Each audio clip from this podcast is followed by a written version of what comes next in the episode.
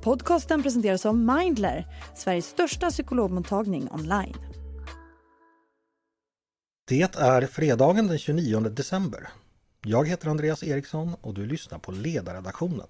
En podd från Svenska Dagbladet.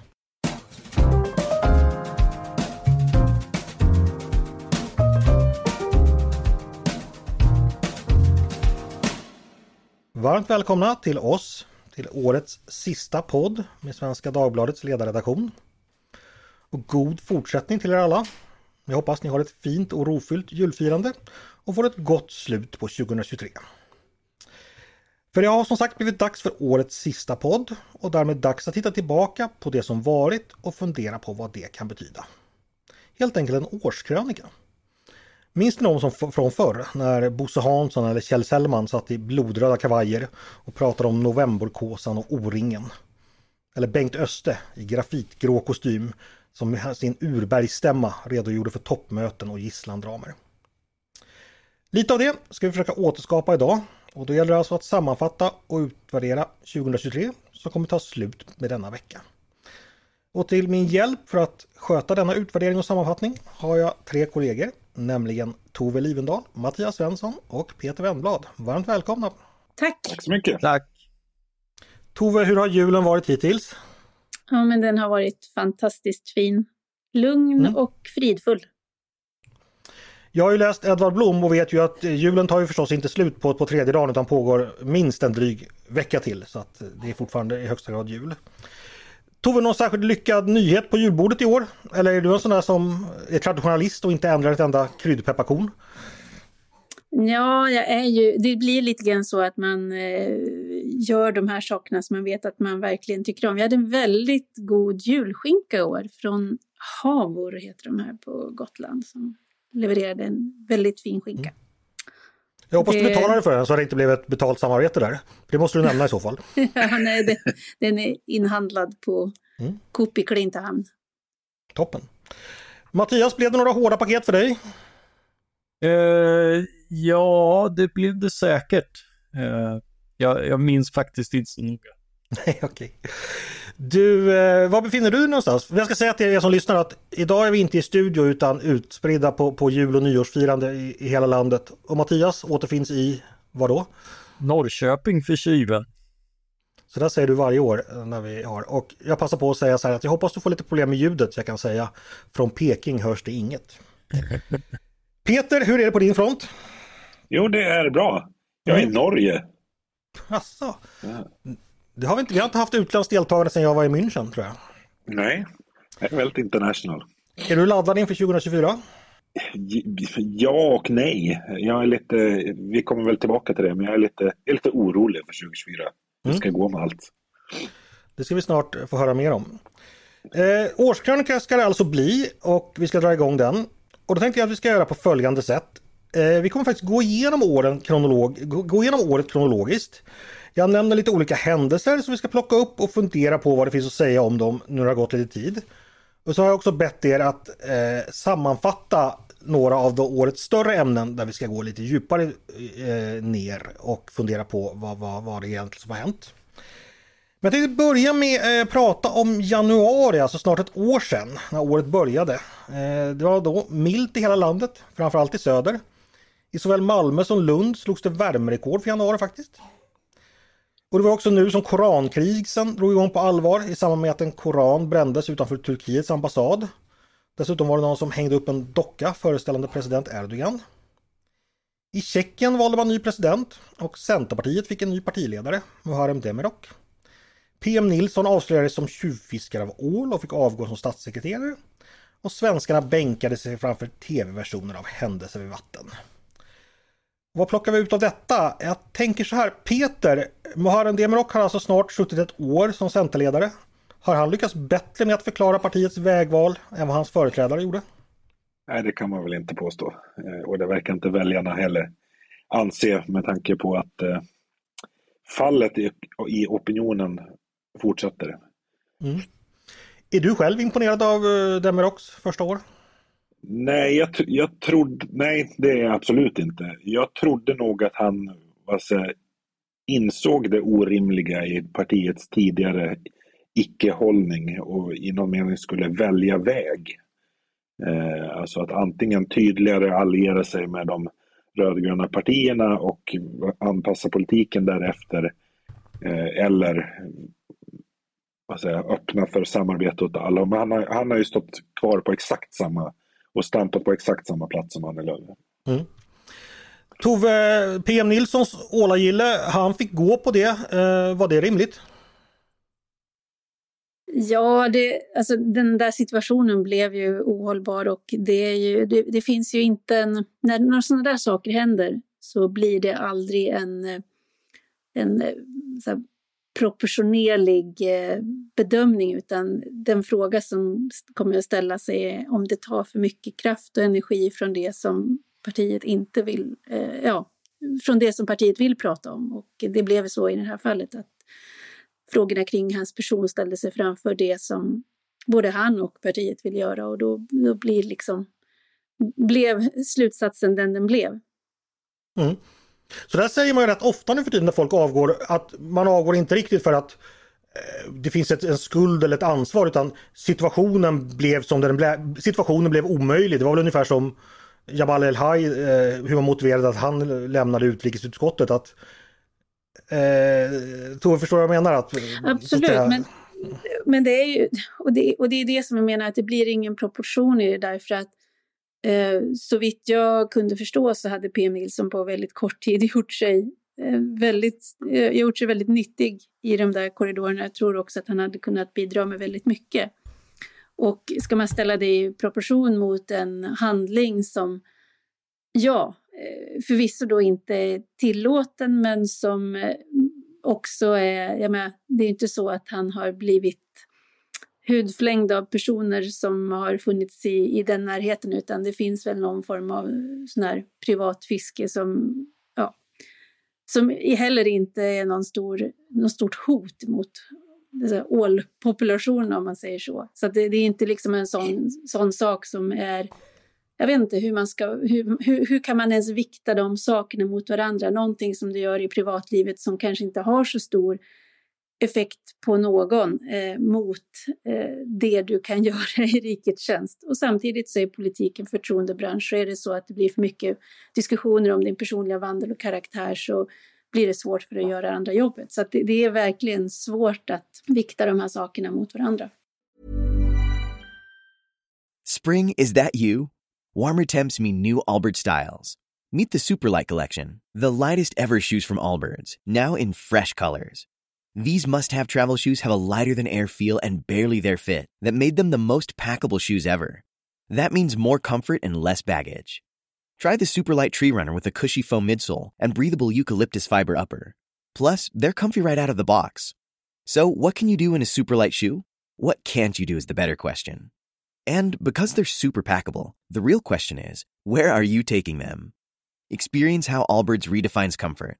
Visit allbirds.com and use code SUPER24 for a free pair of socks with a purchase of $48 or more. That's A L L B I R D S.com code SUPER24. Men vi ska gå vidare för det blev ju februari och vädret har fortsatt milt. Men trots det kunde man se norrsken ovanligt långt söderut i landet. Minns ni det? Vi var många som var ute och spanade. I alla fall kunde njuta av våra grannars bilder på Facebook. Var det, var det någon av er som såg norrsken? Nej, tyvärr inte. Nej. Och då diskuterade vi vilt både här i podden och på andra ställen om det var rätt att ge tillstånd till koranbränningar. Och vi var väl inte helt eniga här på redaktionen. Forskaren Sami Egyptson la fram en kontroversiell avhandling vid Lunds universitet. En kinesisk ballong väckte stor uppmärksamhet när den kraschade i Alaska. Turkiet och Syrien drabbades av en allvarlig jordbävning och världen uppmärksammade årsdagen av Rysslands fullständiga invasion av Ukraina. Tove, jag minns bland annat var ju du och jag lite oense om yttrandefrihetens gränser den gången. Eh, men tänker du likadant fortfarande när det gäller koranbränningar? Och, att ge tillstånd till dem? Ja, det gör jag. Jag tycker att eh, det är så att säga, den diskussionen blev väldigt mycket kapad av att eh, man direkt sa att det här är en fråga om yttrandefrihet. Det finns inget annat sätt att se på den och jag tycker att man absolut kan göra det. Och eh, det, för mig blev det rätt tydligt när jag gick in och tittade i ordningslagen och eh, hur vi förhåller oss till olika handlingar i det offentliga rummet. Och eh, jag skulle ju då, som jag argumenterade för då, kunna göra en hel del saker som står i strid med ordningslagen och då använda då yttrandefriheten som någon slags eh, tufrikort. Jag vet inte, nu kanske vi är inne på 70-talistreferenser igen och det, det, det, man måste liksom kunna vrida och vända på de där sakerna och eh, jag vid, vidhåller min, min åsikt från, från då. Mattias, eh, du tror jag var lite mer på min sida än Toves. Har du tänkt om sen, sen diskussionen? Eh, ja, jag har väl eh, landat i att jag definitivt hade rätt och att de som ville inskränka hade fel. Mm. Det, det, tycker jag har blivit mycket tydligare när, när vi fått exempel på på terror och hur lite den är kopplad till vad som faktiskt gör i väst eh, och eh, hur, hur, mycket det här piskas upp av, av helt andra faktorer än, eh, än att en, en perifer, perifer person står och, står och gormar på ett torg någonstans. Mm, Okej. Okay. Eh, jag vet inte om ni minns det, men det var ju så att eh, polisen valde ju att neka tillstånd till koranbränning med hänvisning till just ordningslagen som Tove nämnde. Eh, men då gjorde man fel tyckte rätten för att man hänvisade till ordning och säkerhet i hela landet och det är inte det ordningslagen tar sikte på utan det är just ordning och säkerhet på den aktuella platsen eh, som gäller. Men här har ju polis, eller politikerna funderat på att man, ordningslagen på något sätt ska skrivas om så att det ska göras möjligt att göra polisens tolkning. Peter, har du någonting att lägga till om det här yttrandefrihetsdiskussionen som vi ägnat så mycket tid åt? Eh, tänk, tänk, att vi alla står kvar vid samma ståndpunkter som vi hade, eh, hade då. Alltså, jag vidhåller också att det finns en, en alltså, lucka i ordningslagen just mellan alltså att man bara får ta hänsyn till, till ordningen på platsen. Eh, sen inbillar jag mig inte att det var så att säga en stoppad koranbränning utanför en moské kommer, kommer stoppa terrorhotet mot Sverige. Men, utan jag har lite andra motiv för varför jag tycker att det är liksom, det handlar om, mer om vanlig anständighet. Mm. Hörni, vi rullar på. Det blev mars. Eh, kallt eh, i norr och ostadigt och ganska snöigt i söder. Och då diskuterar vi en dom som på ett märkligt sätt diskuterade ordet snippa. Jag vet inte om ni minns det. Eh, USA drabbades av finansiell oro efter att Silicon Valley Bank kollapsat efter en så kallad gammal hederlig bankrun. Och det skapade oro för en liknande utveckling som i samband med finanskrisen 2008. Chat control diskuterades flitigt, bland annat här i podden. Och det blev politisk strid om matpriserna där vänstern krävde att regeringen skulle agera. Ett förslag som tog upp från Vänsterpartiet det var helt enkelt ett prisstopp. Mattias, det blev inget prisstopp. Var det bra? Eh, ja, det är klart att det var. För att reglerade priser leder antingen till, till överskott eller brist. Eh, det vet vi sedan gammalt. Mm. Ändå ganska radikalt av Vänsterpartiet att dra fram ett sådant gammalt 1970-talsförslag. Eh, ja, eh, och, och, vi har ju men det var ju också, alltså Sverige hade ju en pris och kartellnämnd med mycket aktiva och ständiga prisstopp under den senaste inflationsperioden på 70 och 80-talet. Så, så det, det, går lättare än vi tror att vänja sig vid den typen av, uh, av åtgärder när, när inflation biter sig fast, tyvärr. Eh, det var första kvartalet och då ska vi ta en liten paus och prata lite mer om de stora linjerna under året som jag sa inledningsvis. Eh, då nämnde jag att vi i februari kunde se tillbaka på ett år eh, av rysk fullskalig invasion av Ukraina. Eh, och det är förstås något som har präglat hela året som också präglar vår tid och som jag tror framtiden kommer se tillbaka som något av det viktigaste och mest avgörande som sker i vår tid. Eh, tänkte vända mig till dig Tove. Här finns förstås massor att säga, men jag tänkte börja med så här. En föreställning jag sett på flera håll och det är en tolkning som ju även jag delar. Det är att auktoritära regimer, rörelser och krafter helt enkelt gått till offensiv. Eh, Rysslands attack på Ukraina är det största som har skett. Vi har också Kinas aggression, aggression i sitt närområde. Vi har Irans agerande, deras stöd till Hamas. Vi hade också då mot slutet av året vänsterns gamla favoritregim i Venezuela som förklarat att man ämnar ockupera delar av ett grannland. Är det här riktigt Tove att se det här som en del av någonting större, helt enkelt en politisk och, och ja, ibland militär offensiv från, från världens onda krafter helt enkelt? Ja, man ska, jag tror inte man ska se en konspiration, men man kan absolut se en rörelse. Och eh, det, det finns ju, under lång tid så har ju demokratier varit på tillbakagång och de liberala demokratierna har varit under, attack på olika sätt. Inte bara liksom, militärt utan också när det gäller liksom, ja, kulturellt kan man säga. Och eh, det finns också, jag tror också att det kan bli självförstärkande i det att när det är när det, när det sker stora saker i världen så finns det också en tendens att man söker efter enkla svar och enkla svar kan ibland vara liksom starke man eller man liksom vill ha någon som pekar med hela handen. Så det, det, där, det finns flera saker som jag tror bidrar till det vi ser. Eh, och här har vi ju nu, det, det, det är ju så att säga inför, ställd inför en sån utveckling så finns ju inget utrymme för önsketänkande eller liksom en, en, en, en förhoppning om att någonting ska ändras av sig självt. Visst, man, kan, man brukar säga att, att trender brukar följas av mottrender, men man kan inte förvänta sig att så sker. Och det gör ju att för oss som tycker att det sätt vi lever på här och de, de, eh, de institutioner och de Eh, den frihet som vi åtnjuter i den här delen av världen är värd att försvara, då innebär det ju också faktiskt nu en plikt att försvara det på alla sätt. Och det är både idé, tankemässigt, samtalsmässigt, men det är också i, i hårda termer militärt. Så det finns ju, det är ju ett skarpt läge skulle jag säga nu, inte bara för, för de länder som är direkt under under attack utan för hela den fria världen så är det ett slags styrkeprov som pågår just nu. Mm. Peter, hur mörkt ser du på den världspolitiska utvecklingen under 2023? Väldigt mörkt måste jag säga. Eh, det har ju Alltså det är ju, det är ju stora aktörer som agerar utifrån från egentligen en, en så som världen har fungerat under lång tid. Men det vill säga att världsordningen vilar i, slutändan på förmågan till, till våldsutövning. Alltså det är ett tragiskt faktum och som, som sta, de flesta stater liksom inte agerar på. Men nu är det allt fler som gör det och frågan är om, om eh, västvärlden har förmåga att sätta emot. Ja, vad är ditt svar på den frågan? Är det en öppen fråga menar du? Ja, det är en öppen fråga skulle jag säga. Men, men, men, där, men där är ju Ukraina, vad ska jag säga, där är det ju upp till bevis. Liksom.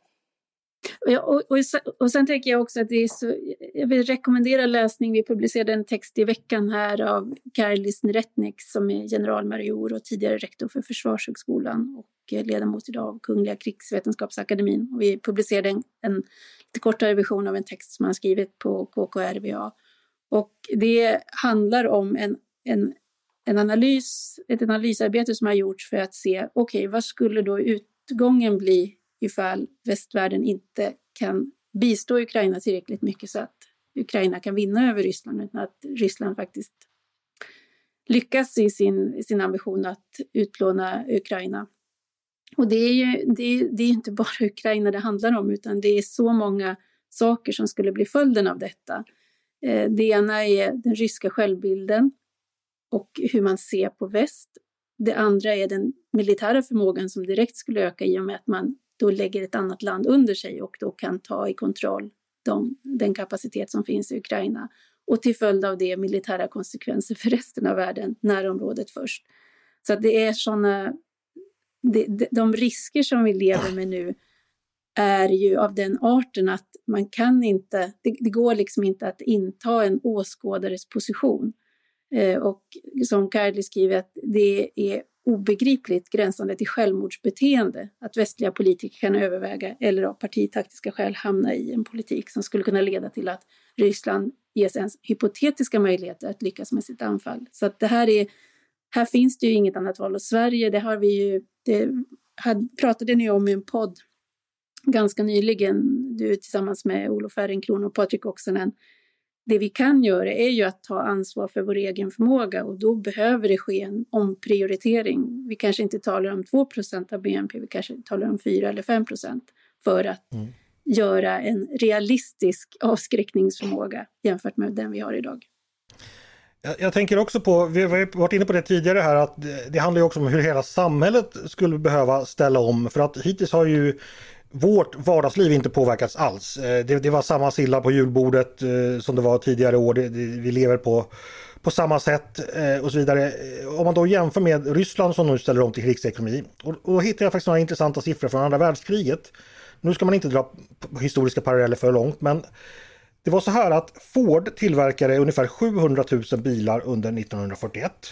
Sen tillverkade man ungefär 160 000 eh, i början av 1942. Men sen slutade man tillverka civila bilar i den 10 februari 1942 för att helt ställa in sig på krigsproduktion.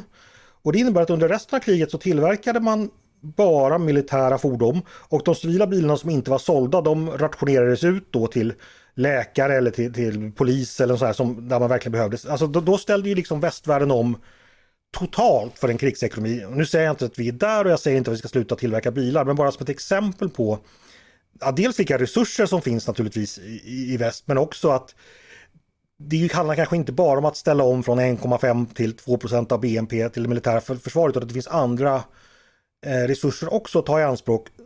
Och där är vi ju inte mentalt eller politiskt eller psykologiskt för fem öre, tänker jag. Förstår ni hur jag tänker? Absolut. Mm. Så eh, ja, Tove, vad, vad har du för råd då till våra politiker och till, till de som lyssnar? Ja, men det är ju... Den, eh, hissen har inte gått ända upp och det är ju här politikerna måste ta sitt ansvar eh, och utöva det där ledarskapet som politiker älskar att prata om, som kan visas. Och det är ju precis det att tala om vilka prioriteringar som behöver göras och också se till att göra dem. Det, mm. det är ju så att säga, det, det, det är verkligen det här med att säga saker är en, en billig sak, men att faktiskt prioritera eh, i red, han, liksom, när det kommer till budget, när det kommer till handling, det är en annan sak. Och det, det finns liksom inget, vi har, vi har inte utrymme att bara fortsätta tala om sakerna. Mattias, jag tror det är mycket få måndagsmöten till stöd för Ukraina. Du har missat under året. Jag känner till ditt engagemang här. Eh, vad tänker du göra och vad tänker du att vi ska göra för att väcka människor och öka det här, det vi brukar kalla sense of emergency? Det är väl snarare att hålla i därför att eh, vi hade en, eh, en initial entusiasm. Den behöver kompletteras med, med just en, en realism kring eh, hur spelplanen ser ut. Och där är det viktigt att komma ihåg att eh, västvärlden behöver inte vara i närheten av någon sorts krigstidsransoneringar. Vi är betydligt rikare, mer diversifierade samhällen eh, nu än då eh, och behöver inte avstå lika mycket. Det handlar inte primärt om det utan om att utnyttja det som gör oss överlägsna, nämligen förmågan att samarbeta och förmågan eh, att, att handla och utveckla en dynamisk ekonomi därför att den är västvärldens fördel, en överlägsen produktionskapacitet. Eh, och den, den ska vi utnyttja. Det, så det, det finns det, det, det, går att skissa scenarier som är eh, så, eh, frugala eller liksom hamna i den här eh, eh ganska idiotiska men, men föreställningen om vilka friheter ska vi offra och sådär liksom och, och tänka att de här auktoritära staterna, titta hur lätt Putin ställer om liksom och dikterar och pekar hela ekonomin och sådär. Men det är ju hans svaghet. Han, eh, han försöker göra en enda sak därför att det är allt han har kvar. Uh, nu är det bara kriget han har kvar. Uh, och om han inte vinner det så, så faller han med det. Därför att nu har han investerat så mycket av, av hela den ryska ekonomin i det. Uh, han är betydligt svagare idag än han var för ett år sedan. även om den ukrainska offensiven inte blev vad, vad vi hade hoppats på, så vet vi också vad det beror på. Att, att ryssarna är nedgrävda och så vidare. Men Eh, Eh, men det kostar ju enormt i, i människoliv, i, i resurser och så och, och inte ens eh, Putin kan hålla ut det eh, i all framtid. Till slut är det ju någon Prigozjin som faktiskt når fram till, till Moskva eh, och, och ändrar förutsättningarna. Så, så diktaturerna har inte blivit starkare, västvärlden har inte fallit vi, vi behöver titta realistiskt på anledningarna att, eh, att hålla i. Det har en kostnad men, men, eh, men den bör vara överkomlig och, och är definitivt billigare än, än, än alternativet att, att inte stoppa Ryssland här. Putin har bara kriget kvar eh, och ännu en auktoritär ledare som inte lyckades leverera lycka och välstånd till sitt folk, vilket vi känner väl från historien. Ryan Reynolds here from Mint Mobile. With the price of just about everything going up during inflation, we thought we'd bring our prices down. So to help us, we brought in a reverse auctioneer, which is apparently a thing. Mint Mobile unlimited premium wireless. Ready to get 30, 30, bit to get 30, bit to get 20, 20, 20, bit to get 20, 20, bit to get 15, 15, 15, 15 just 15 bucks a month. So, Give it a try at mintmobile.com/switch. slash $45 upfront for three months plus taxes and fees. Promo for new customers for limited time. Unlimited more than 40 gigabytes per month. Slows. Full terms at mintmobile.com. Hörrni, det blev vår, snön smälte. I april nådde temperaturen i söder på sina ställen över 20 grader. Finland gick till val. Det blev en framgång för högern. Samlingspartiet blev största parti. Tyskland lade ner sitt sista kärnkraftverk och Indien passerade Kina som världens mest folkrika land. I Frankrike protesterade man mot en ny pensionsålder och här hemma slöts ett nytt löneavtal, det så kallade märket. Regeringen föreslog höjda lönekrav för arbetskraftsinvandring. Sen blev det maj och då var det Erdogan som vann valet i Turkiet trots att oppositionen hade enats för att försöka beröva honom presidentposten. WHO förklarade att covid-19 inte längre utgör ett internationellt hälsonödläge och Lorin vann Eurovision. Och hela Sverige, eller nästan hela Sverige, diskuterade Lena Andersson och hennes text om gröt och annan billig mat. Tänkte bara, jag ska kort, när det har gått sju månader, mer än ett halvår, eh, Peter, den här texten, folk minns och pratar fortfarande om den. Varför blev den så stor? Därför att det var Lena Andersson som, som, jag, som vanligt hittade en, en eh, smärtpunkt. Alltså hon har ju en förmåga att, att hitta de där frågorna och genomskåda de där retoriska figurerna i den eh, politiska debatten. Eh, och sen var, men sen var det ju nu såklart, den var ju, den var ju skarpt skriven och hade en, en skarp rubrik. Så att, Tove, lärde vi oss någonting av diskussionen som följde, tycker du? Eh, ja, jag vet inte. Om man säger så här, det hon gjorde var att hon drog ner byxorna på ett antal politiker som hade investerat väldigt hårt i en retorik som hon kunde falsifiera. Och det gjorde hon ju inte ostraffat för det blev ju ganska hialösa motangrepp mot person, inte mot argument. Och det är ju, tycker jag, bara ett underkännande av liksom, eliternas oförmåga att föra en saklig och rimlig debatt. Eh, det, och, och, det är också, apropå det vi talar om att demokrati är på nedgång, alltså det är inte så att demokrati, det, alltså, den bärs ju av människor och, och vårdas av människor och har man folkvalda som liksom dumläser eller underkänner människors intelligens i sin retorik så kommer det inte heller att vara något bra sätt att tjäna demokratin. Då kommer folk att tycka att ja, men de där politikerna, de är ju inte verklighetsförankrade och de kör med retoriska bondfångeriknep som är lätta att genomskåda, så vad ska vi ha dem till? Alltså det, det, det, det, där tycker jag att vi har flera folkvalda som brister i att ta ansvar för dem, det ämbete som de uppbär.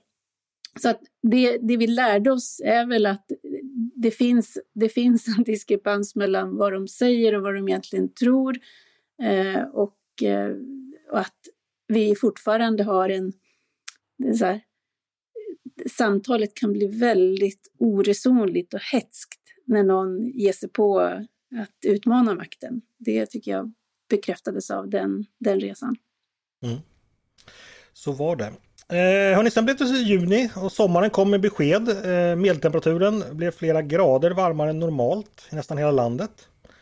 Zlatan Ibrahimovic förklarade att karriären var över eh, och vi firade att det var 500 år sedan Gustav Vasas trontillträde. Midsommaren blev dramatiskt när, eh, som Mattias sa tidigare, Wagnerledaren eh, Prigozjin och hans styrkor plötsligt lämnade striderna i Ukraina och började röra sig mot Moskva, men sen vände. Och Prigozjin dog sedan, ovän, eller kanske inte så oväntat, i augusti. Och regeringen bjöd in på ett nationellt klimatmöte. Och eh, även om eh, juni blev varmt i Sverige så blev det ingen rekordsommar. Men det för mig in till ytterligare en fördjupning då där vi slutar andra kvartalet. Eh, för det har ju hänt väldigt mycket på det klimatpolitiska området i år. Kanske främst under andra halvåret men vi ska ta sammanfatta helåret redan nu. Då vänder mig förstås till dig Peter. Du får ta eh, helhetsgrepp här och då är den enkla frågan hur mycket har Sveriges klimatpolitik förändrats under det här året? Mycket. Mm. Eh, det har ju en total omsvängning skulle jag säga jämfört med den rödgröna eh, klimatpolitiken. Det är en helt annat fokus på, det, det är en annan långs, långsiktighet, det är en helt annat fokus på alltså, energipolitikens betydelse för att eh, och elproduktionens betydelse för att kunna ställa om Sverige än den tidigare regeringen. Är det en bra omsvängning? Ja, det är en bra omsvängning. Eh, alltså, Sverige och världen behöver en klimatpolitik som faktiskt är genomförbar. Eh, och omställning tar tid. Eh, vi har haft en liksom enorm fixering vid de här datumsatta kortsiktiga målen om vad som ska göras för att nå dem. Men eh, det viktigaste är att vi rör oss i rätt riktning så, så fort som möjligt.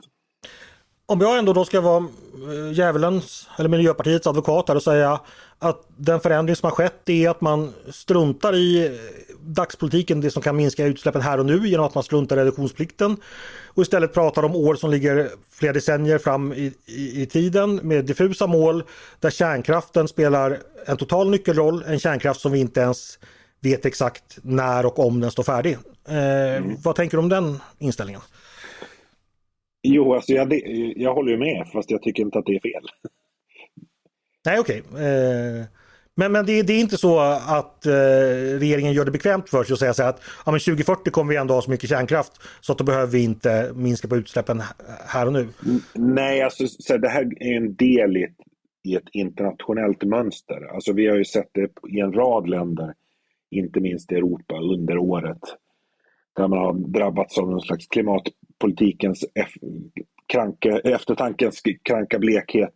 Alltså där när de här tidiga målåren kommer allt närmare och man inser liksom hur, dels hur mycket som krävs för att, för att klara dem och också när man inser att här, även i klimatpolitiken så är det i slutändan medborgarna som sätter, en politisk, som sätter de politiska ramarna för vad man kan göra. Så omställningen måste ha legitimitet och acceptans. Annars så kommer den inte att kunna genomföras. Eh, och det har vi sett alltså i Tyskland så har det ju till exempel har det ju varit stora protester mot, mot där liksom hushållen skulle tvingas att byta ut sina värmepannor i en väldigt snabb takt. Samma sak i Storbritannien. Eh, ja, vi, vi ser det här i en, i en rad olika länder. Mm. Att du gillar den här förändringen, innebär det att du ger eh, klimatminister Romina Pourmokhtari eh, ett högt betyg? Eh, ja, jo ett förhållandevis högt betyg. Alltså jag tycker fortfarande att liksom, det är problematiskt. det finns ett hyckleri i att den här regeringen, jag tycker att regeringen väljer, rätt, väljer rätt väg men delvis gör det med fel argument, alltså där man håller fast vid att man ska nå 2030-målen och, och att, att de är möjliga att nå. Och, eh, och dessutom har drivit på, liksom, alltså som nu, man har drivit på för en ny klimatpolitik i EU som man liksom gjorde en stor sak av att man kom i mål med under Sveriges ordförandeskap. Men sen om man ska lägga fram en klimathandlingsplan några månader senare så klarar man inte av att liksom leverera svaret på hur man ska, ska genomföra den politik man, man själv har, har drivit på för på EU-nivå. Mm. Syftar du på klimathandlingsplanen som presenterades nu alldeles före jul? Ja, precis. Mm. En sista fråga på området. Nu pratar vi mycket Sverige. Det har ju skett mycket globalt. Inte minst hade vi ett stort toppmöte i december. Vad finns att säga om det? Hur har klimatpolitiken på global nivå utvecklats? Nej, men det finns samma, samma mönster där som i, i Sverige. Annars har vi liksom den globala klimatdiskussionen har väl präglats ganska mycket av det alltså, oroväckande faktum att 2023, trots vår usla sommar i, i Sverige, 2023 har ju varit ett rekordvarmt år. Mm. Eh, och vad säger väder, det har, kurvorna har periodvis sett ut att skena så smått. Så att det, det, ja, det har varit oroväckande. Jag ljög lite tidigare, jag har en fråga till. Uh, Friday for Futures, vad ska vi säga, eh, inte sammanbrott mer eller mindre, eller att man har helt övergått till, till andra politiska frågor som har då alienerat uh, väldigt många. Hur påverkar det klimatdiskussionen tror du? Nej, inte alls. Alltså, Fridays for Future, det är inte där politiken är. Politiken är, är i huret. Hur ska omställningen genomföras? Inte, inte om den ska genomföras eller liksom så att och Fridays for Future har aldrig levererat några mer konkreta liksom, lösningar på politikens handfasta problem än att lyssna på vetenskapen och det kommer man inte särskilt långt. Okej, då ska vi gå vidare. Eh, och som Peter sa, juli blev ju den eh, globalt varmaste månaden eh, ja, under en period som finns uppmätt helt enkelt. I Sverige blev det dock ganska svalt och ostadigt. Men då kunde man ju förstås gå in på biograferna och titta på Barbenheimer, vilket blev ett kulturellt fenomen på sommaren. Eller följa NATOs toppmöte i Vilnius. Eller fotbolls-VM för damer som ju vanns av Spanien och där Sverige tog brons. I augusti eh, fortsatte det ostadiga vädret och ostadigt var det också på andra håll. För vi hade knappt kommit tillbaks från semestrarna innan Säpo höjde terrorhotsnivån från 3 till 4. Sverigedemokraternas Richard Jomshof kritiserades efter ett inlägg på Twitter där han kallade Muhammed för slavägare och massmördare. USA och Kanada präglades av skogsbränder och Norrköpings kulturpolitiker anklagades för fascism. Eh, Tove, det blev en höst som präglades väldigt mycket av, av, det här höjda terrorhotet och allting. Vad finns att säga om det nu när, när, när hösten är förbi? Ja, det är väl att eh, om man ska vara positiv så, så kan man väl säga att Sverige är ju ett robust samhälle alltjämt. Det är ju så att vi blir ju skakade och det ska vi bli när det sker en sån sak att man skriver upp därför att det innebär att vi lever med en större risk. Um, och sen är det svårt att uh, omsätta det. Jag vet när Ulf Kristersson fick frågor, liksom, ja, men vad betyder det här då? Och, och även, även um, Säkerhetspolisen, hur ska man förhålla sig i sin vardag? Så är det ju det är svårt eh, att vara konkret. Hur ska, man, hur ska man förhålla sig till en förhöjd risk i vardagen? Vad innebär det? Ja, och då blev slutsatsen att vara lite mer vaksam och vara lite mer uppmärksam på saker som kan vara avvikande. Men sen är det ju så att vi ändå väldigt mycket som samhälle lyckas med det som också är rådet, till exempel när det har skett terrorattentat, att leva som vanligt, att leva vidare och att fortsätta odla våra trädgårdar billigen och bokstavligt. Och eh, ja, ut, fortsätta att utveckla oss själva och vårt samhälle. Så det där gör vi ju både, vi gör ju det parallellt, att samtidigt som det måste innebära eh, politiska åtgärder, eh, slutsatser, vad som har funkat och inte funkat. Och här finns ju en, alltså listan på hur Sverige ska kunna bli bättre, det offentliga Sverige ska kunna bli bättre, den är ju oändlig. Det är liksom skola, sjukvård, äldreomsorg, SIS-hem, eh, ja, kriminalvården, allting. Det, är liksom, det finns ju eftersatt utvecklingsarbete på precis alla områden. Så det måste man ju göra samtidigt som Eh, tänkte på det du sa om sillen, så är det viktigt att vi som tycker det är viktigt och roligt lägger in sill, eh, njuter av eh, julmat och julfrid och vad det nu kan vara, därför att det är också sånt som bidrar till ett samhälles resiliens, som man säger, motståndsstyrka, men också sen då eh, så här, skapa det här känslan av att det vi har är skyddsvärt, så att vi kan inte ge upp. Vi kan inte säga att det är skitsamma, utan det, så det är ju det är återigen det här med att det måste växelverka, både där omsorgen om det lilla och omsorgen om det stora. Och där är det ju som delvis olika känslolägen som, som drar. Mm. Apropå känslolägen, jag tänkte passa på, nu, nu nämnde jag ju Norrköping här och eftersom vi har Mattias på plats. Eh, den här kulturella nyfascismen i Norrköping, har den märkts mycket under julen? eh, Nej, det har det väl inte, men, men eh, det, eh, det pratas och diskuteras här och, och, man är inte, alltså det eh, juryn är ju fortfarande ute för vad gäller det här styret. Eh, det faktum att vänstern alltid har fel och, och den här kampanjen som uppstod på kultursidor hade direkt bizarra inslag. Ja, det, ska sägas, det var ju ett effektivitetsbeting som hade lagts på kulturnämnden med 1,2 procent. Ja, det var samma på alla 1,35. 1,35. Ja. Uh, ja, lite mer fascistiskt som, men, men... Ja. och, och, eh, och även liksom det, det finns sådana här, men det, det finns samtidigt från styret en sån här lite luftig förhoppning om att om man döper om eh, nämnder till liksom tillväxt och innovationsnämnder så kommer kommuner att åstadkomma storverk och, och, att man skulle kunna göra stora vinster på att, att lägga ut eh, offentliga lokaler som man har eh, i, i privat ägo och sen hyra tillbaka dem. Det där är ju modeller som lite grann prövats och misslyckats, så, så den skepsisen kan jag ju förstå, men, men den fick ju sådana övertoner på på kultursidorna där att, eh, att, att det lite grann försvann i, i, i larmet. Mm. Övertoner på kultursidorna, jag har aldrig hört talas om något liknande. Hörrni, ja, det, det, det, det, har ju varit både här och med Lena Andersson ett år när man, när man tappat rätt mycket av, av förtroendet för eh, för den intellektuella kapaciteten hos, hos många där. Det hos hos, hos DN Kultur, du hade, du hade högt förtroende för den innan? Nej, men, eh, men det var ju alla, alla slags kultursidor och, och skribenter som definitivt borde, borde och egentligen vet bättre som skulle ut och bullra där.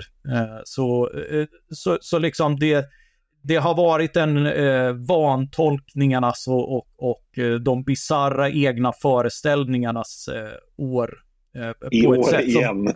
ja, jo, men som till och med, eh, som till och med utifrån normala förväntningar, liksom att, att, att DN går upp i stabsläge så fort Lena Andersson skriver en krönika är ändå liksom lite nytt.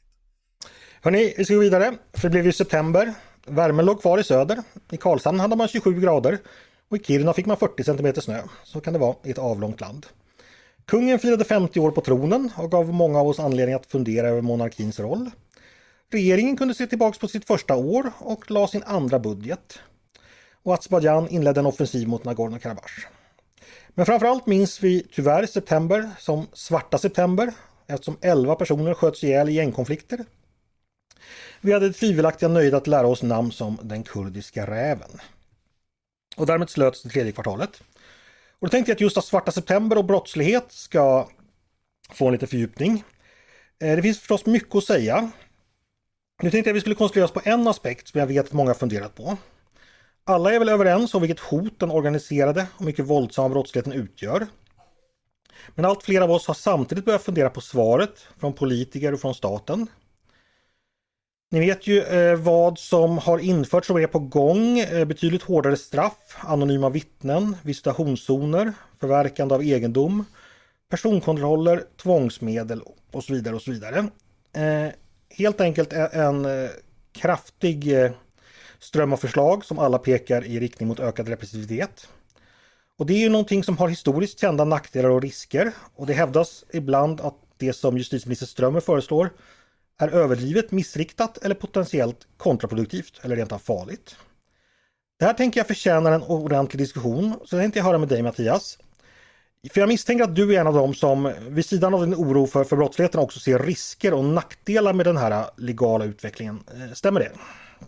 Eh, ja, det, det bör ju alla anhängare av, eh, av rättsstat göra. Alltså det finns eh, brottsligheten är ett hot, men det är ju också staten när staten förfelar sitt syfte. Eh, och det gäller att kunna hålla de två tankarna i huvudet samtidigt. Om inte annat så för att eh, en effektiv brottsbekämpning innebär. Den insikten finns på andra områden inom borgerligheten, att, att liksom politiken, en politik som vill lösa eller hantera ett problem kan inte göra allt och mer är inte alltid bättre. Eh, det gäller på alla områden där man, där man vill åstadkomma någonting och det gäller också inom brottsligheten. Eh, det, det, det handlar inte alltid om att mer alltid är bättre, för då tar resurserna ganska snabbt slut. Och jag ser tyvärr att det, det, det finns en övertro på att mer är bättre. Man, man gräver sig längre och längre ner i åtgärdssäcken för att ses göra nya saker eh, och, och, och, sätta nya lagar på pränt. Men det är inte främst där man, eh, man löser de här problemen, utan det handlar ju om att polisen har tillräckliga resurser och, och, och kan göra eh, göra sitt arbete och rekrytera kompetent personal och att det finns människor ute på fältet snarare än eh, bland kommunikatörer och administratörer. Eh, ganska osexiga saker, plus förstås att, att eh, det skamliga i att regeringen helt blundar för eh, möjligheterna att med en annan lagstiftning på narkotikaområdet eh, minska problemen som eh, som kommer av ett förbud och att, att man eh, valt att lämna hela den här sektorn till, till kriminella och sjukt glada människor. Men för att fråga dig Mattias, tolkar jag det rätt som att du är inte i första hand orolig för att staten ska utvecklas i repressiv, alltså om man tänker på progressiva kriminologer och, och, och journalister som tror att det här är någon sorts förstadium till en polisstat. Det är inte där din oro främst ligger, utan att man helt enkelt bränner massa pengar och resurser på fel saker. Så, så är det. Alltså, eh, det, det görs väldigt mycket arbete som är helt nödvändigt. Ta en sån sak som ungdomsfängelse. Eh, hade den eh, tanken lanserats för 5-10 år sedan eh, så hade förmodligen fler, inklusive jag själv, varit emot den därför att det fanns inget riktigt behov. Men väldigt snabbt har vi fått en mycket grov brottslighet som sjunker ner i åldrarna, som gör andra slags påföljder nödvändiga. Det är ju en det är ju ett förvaltande av rättstradi- eh, rättsstatstraditionen inför nya brottskategorier. Eh, det handlar inte om ungdomar som, som eh, sniffar lim och gör lägenhetsinbrott längre, utan som utför kontraktsmord och då måste påföljderna vara annorlunda. Så, så väldigt mycket av det här handlar om att, att hänga med och förvalta eh, sa, samma eh, tankar som legat till grund för, för tidigare, men, men som får en annan inriktning eftersom, eftersom verkligheten ser annorlunda ut. Eh, min, och det är, det är jag inte ett dugg orolig för. Nej. För, för, för, då är min fråga så här. Eh, för som du säger så finns det ju ett väldigt mycket folkpartistiskt å ena sidan och andra sidan här. Och mm. det är uppenbart att dagens system inte har fungerat med tanke på den brottsutveckling vi har haft eh, när det gäller just, eh, ja, det är ju främst organiserad brottslighet och skjutvapenvåld. Är det så här att du och Strömmer, hur långt ifrån är ni varandra? Är det här att glaset är halvfullt eller helfullt men i själva verket skiljer det kanske inte så många centilitrar mellan era glas? Vad, vad, vad tänker du om det? Så jag, jag har gott hopp om att Strömmer får, eh, får det i stort rätt. Uh, jag, jag, tycker, jag, tycker jag, jag har stort förtroende för hans ansats.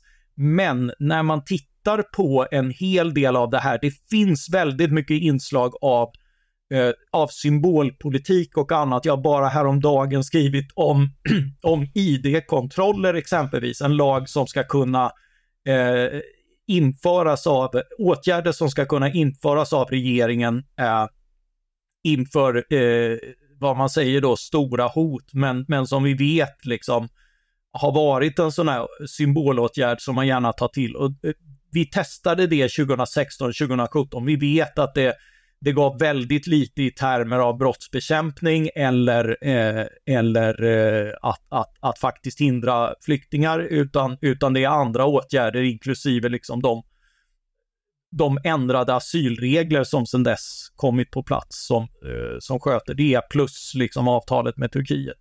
Eh, men ändå så vill man ha den här, eh, en, en, lag om den här åtgärden som, som vi vet är, är dyr, dålig och som är så, alltså fullkomligt inkompetent beredd att eh, lagrådet eh, i princip tjutit. Alltså det är sådana här att man vet inte ens om böter är tänkta per person eller per tillfälle. Eh, man, man, eh, det finns problem med EU-rätt och annat som, eh, eh, som man skjutit upp till när åtgärderna ska rullas ut, vilket ju är oerhört märkligt, eh, både om man vad gäller respekten för stadgar vi har förbundit oss till, men också för att om, om det här nu är akutåtgärder tänkta för allvarliga tillfällen, ska vi då sitta och mecka med lagprövning istället för att göra den nu så vi vet vad man kan rulla ut? Det är ju jättekonstigt och jätteinkompetent. Det tycker jag är en varningssignal om att den här regeringen inte riktigt mäktar med vad man har åtagit sig. Så, så ja, det är på sätt och vis en volymfråga. Man, man tar på sig för mycket så att man gör ett kackigt arbete och det är inte bra för någon. Tack för det. Eh, vi fortsätter med året som har gått. I oktober kom kylan på många håll. I Norrland var det den kallaste oktobermånaden på 30 år faktiskt. Månaden dominerades förstås i nyhetsflödet av Hamas attack mot Israel då mer än tusen människor mördades. En av det som eh, blev, blev en av historiens värsta terrorattacker. Bland annat en massaker på ungdomar som besökte musikfestival. Israel gick till motattack genom att invadera det Hamas-styrda Gaza. Två svenskar dödades i ett terrordåd i Bryssel. En ny utredning av den svenska klimatpolitiken presenterades av professor John Hassler. Och oron för antisemitismen ökade i krigets spår. Eh, bland annat anklagades DNs före detta chefredaktör Greta Thunberg just för antisemitism av Simon Wiesenthal-centret. Det blev det november, kylan fortsatte.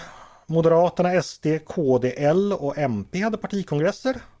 Och det sista partiet, Miljöpartiet, valde ett nytt språkrör i form av Daniel Heldén. Bråk uppstod i riksdagen mellan Magdalena Andersson och statsministern gällande Jamal El-Haj, mannen som enligt Andersson ägnat sitt politiska liv åt att bekämpa Hamas och enligt statsministern kanske ägnat det åt någonting annat. Ett medborgarmöte med Ulf Kristersson och eh, Elisabeth Svantesson fick avbrytas efter att Palestina-aktivister stört med protester. Jimmy Åkesson förklarade att han ville riva moskéer och Socialdemokraterna presenterade en ny samhällsanalys. Som innebar att allt man tidigare sagt var fel Fast egentligen var det rätt för tidsandan sa så, men nu när vi har en ny tidsanda så måste man ändra sig 180 grader. Sen blev det december, vit jul på ovanligt många håll, bland annat här i Stockholm. En ny PISA-studie presenterades eh, som visade att skolresultaten, eller kunskapen menar jag, föll i Sverige men också i övriga OECD. Världens ledare samlades i Dubai för att komma överens om klimatomställningen. Och kriget i Gaza fortsatte med oförminskad styrka. Dödsoffren kan enligt de flesta bedömare räknas i många, många tusen och många av dessa är civila och många av dessa är barn. Det är ju något som också Israels försvarare bör medge. En ny färdplan för kärnkraft sjösattes och så firade vi slutligen jul här i det lilla landet längst upp i norr. Och då ska vi ta ytterligare en liten större bit och då tänkte jag bara kort nämna vad väljarna tycker om det här året. Eh, och jag tittade faktiskt på hur väljaropinionen såg ut i början av året och i slutet av året och då finns det framförallt två saker som har skett.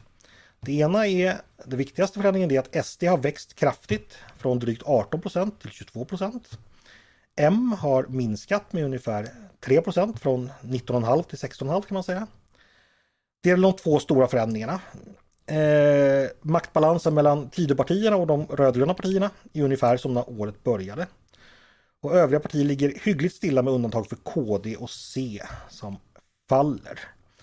Och eh, jag vet inte hur, hur roade ni är av, av att prata sådana här opinionssiffror. Jag tycker ändå det är intressant. Eh, tänkte välja be dig Tove bara kort kommentera. Det här med, sagt den stora förändringen är att M tappar och, och ST ökar under året. Eh, vad tänker du om det? Ja, jag tänker att eh, den här gamla idén om att man inte kan vara näst bäst, det liksom kanske gör sig gällande fast Moderaterna har inget val. Jag menar, Sverigedemokraterna hade under lång tid positionen som alltså, de, de eh, självutnämnda men också faktiska, skulle jag säga, sanningssägarna kring problem.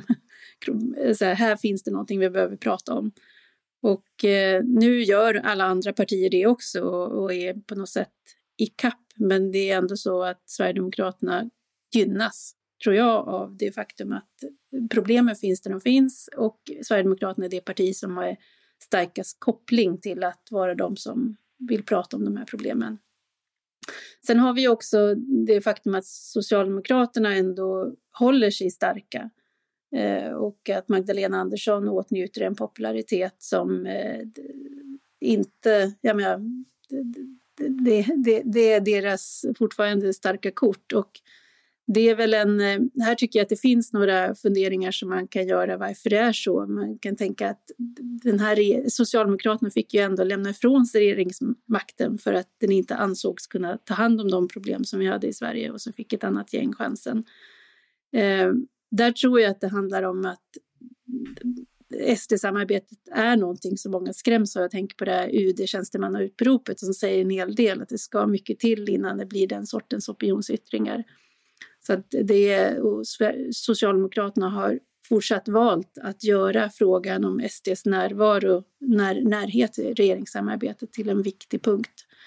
Eh, sen har vi också i morgon två texter som diskuterar inte minst utifrån kanske Moderaternas utgångspunkt som nu då närmar sig siffror som tidigare har kallats för katastrofvalsiffror var väl eh, 2002 när man var nere på 15,2 eller 15,4 procent. Och det är inte så långt därifrån nu.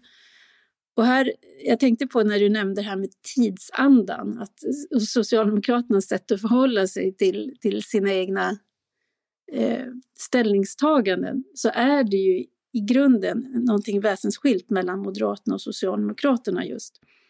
Eh, och Katarina Bergling diskuterar det i en text imorgon.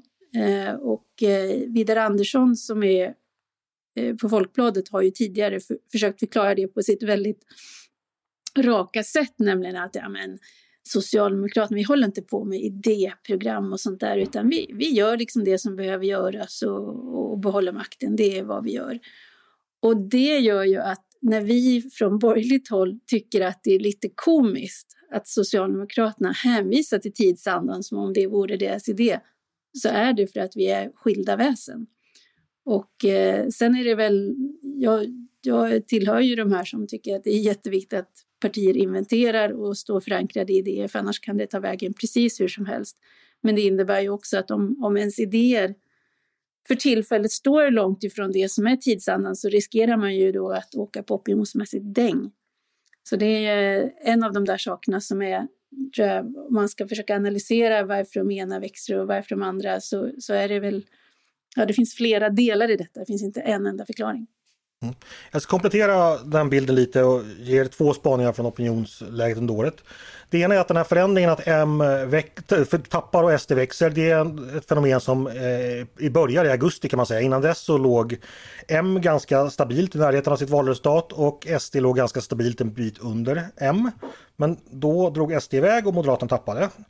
Det sammanfaller i tid dels med att Jomshof gjorde de här uttalandena om, om islam, vilket då kritiserades av Moderaterna. Det sammanfaller också i tid med att eh, brottsligheten och svarta september kommer och sen så följs det här upp då med, med eh, Gazakriget och vad det har påverkat inrikespolitiskt. Så man kan väl säga att hösten har varit eh, på ett sätt vis, eh, många sätt legat, precis som Tove säger, i, i, i Sverigedemokraternas eh, härad så att säga.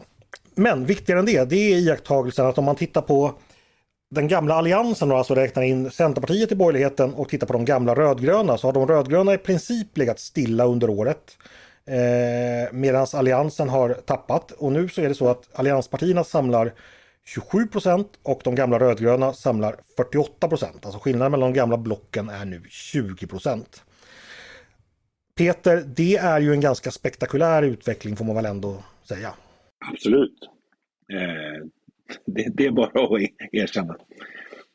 Men, men, men, men jag skulle faktiskt vilja ta upp en annan eh, stor opinions... Nu låter det som att jag flyr från ämnet här, men, eh, men en, en annan stor opinionsförändring under året, det är ju faktiskt... Eh, Tove pratade om det stora förtroendet för Magdalena Andersson.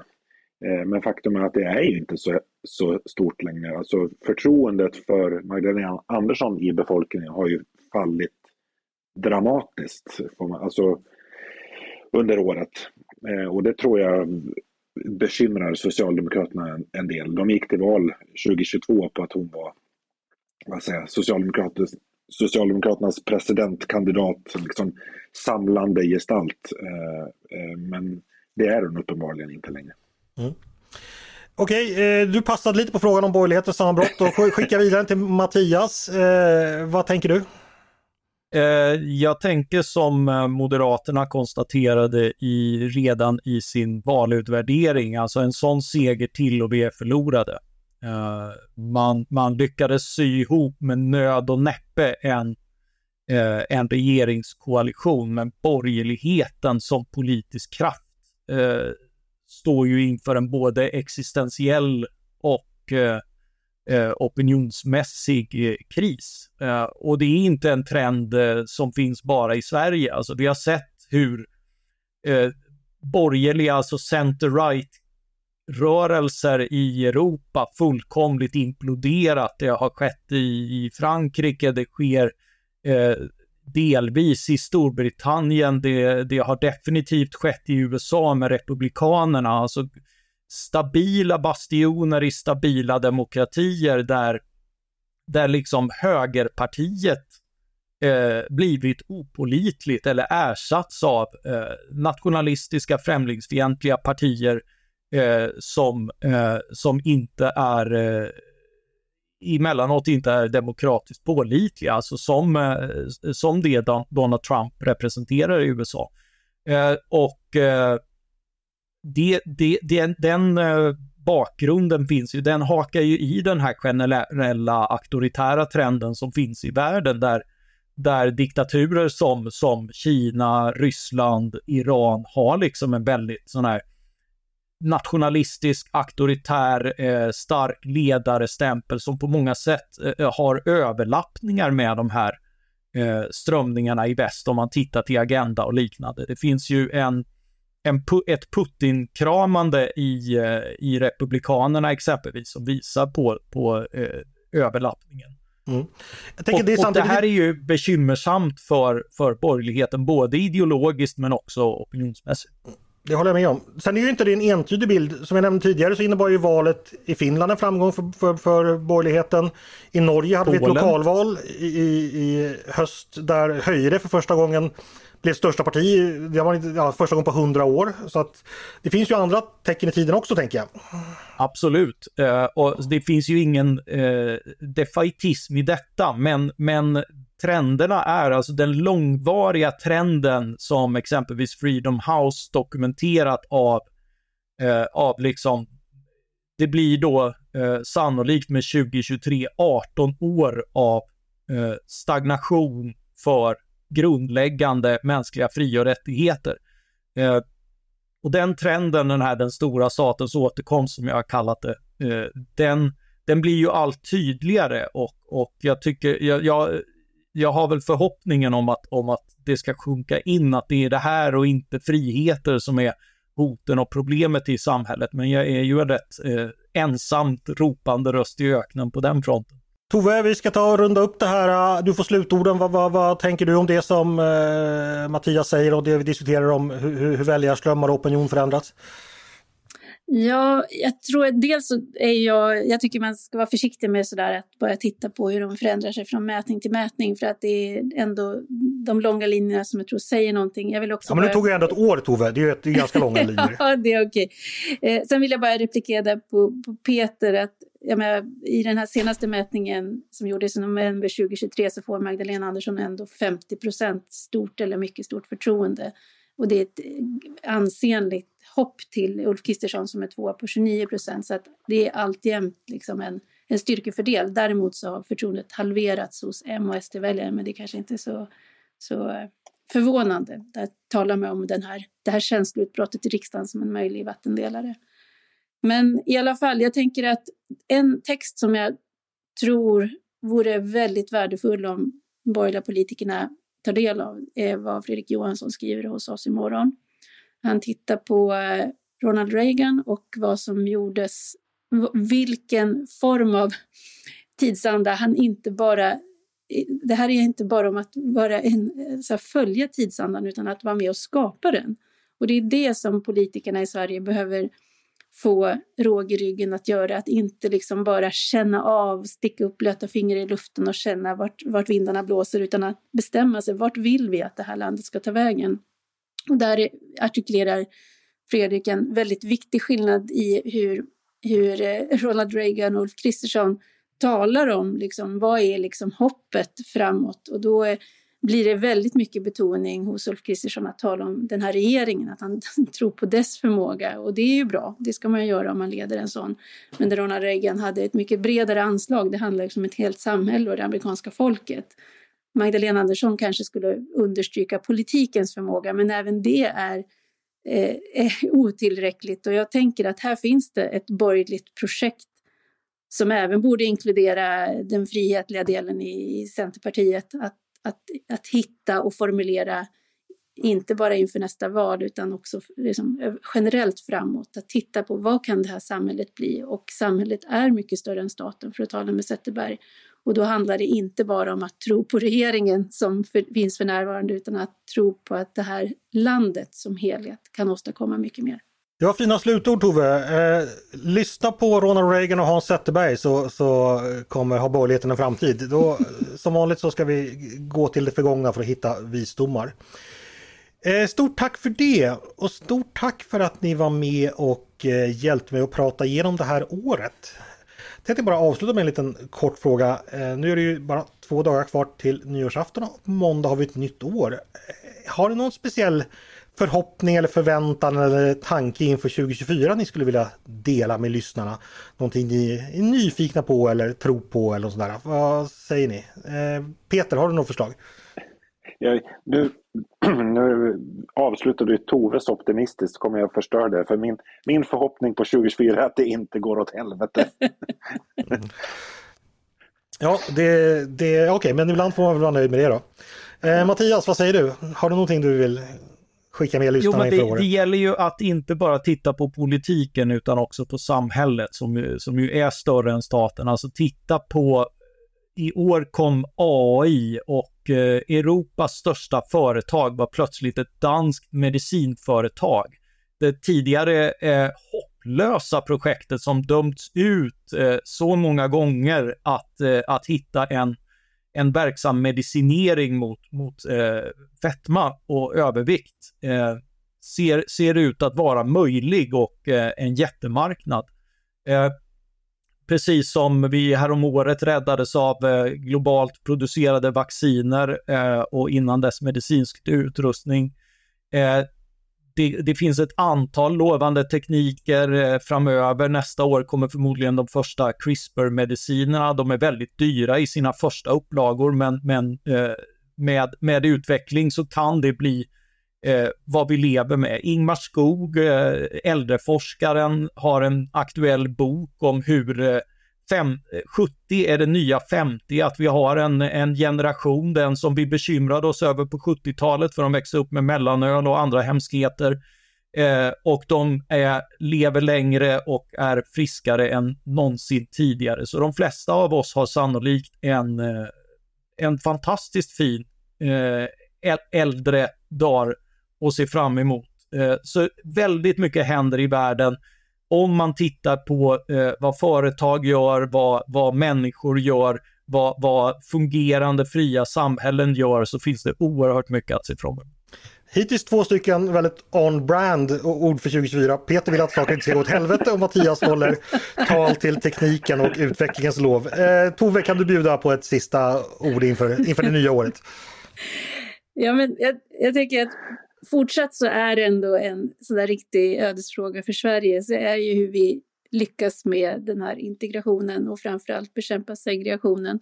Och om vi då hade ett läge tidigare som innebar att, att politik och journalistik liksom på något sätt vägrade tala om baksidorna och bara liksom, jag, menar, jag tror att den här Sandviken-rapporten eh, blev kanske det yttersta exemplet på när man ja, blir, blir, eh, vad ska man säga, ja, ideologisk i sin, i, i, sin blick av världen och bara, ja, vi ska bara se det som funkar och även låtsas som att saker som är statsunderstöd är på något sätt tillväxt.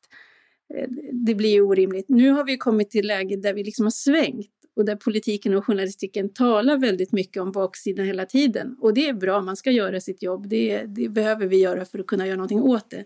Men då krävs det också, apropå Mattias bok, att man också ser det som fungerar och vägarna framåt. För annars så kommer vi liksom inte hitta, hitta de lösningar som vi behöver. Så att här behöver det nu balanseras åt det andra hållet när så att säga, det, pendeln har svängt och vi bara är inne liksom i, i, i att titta på det som, som är dysfunktionellt.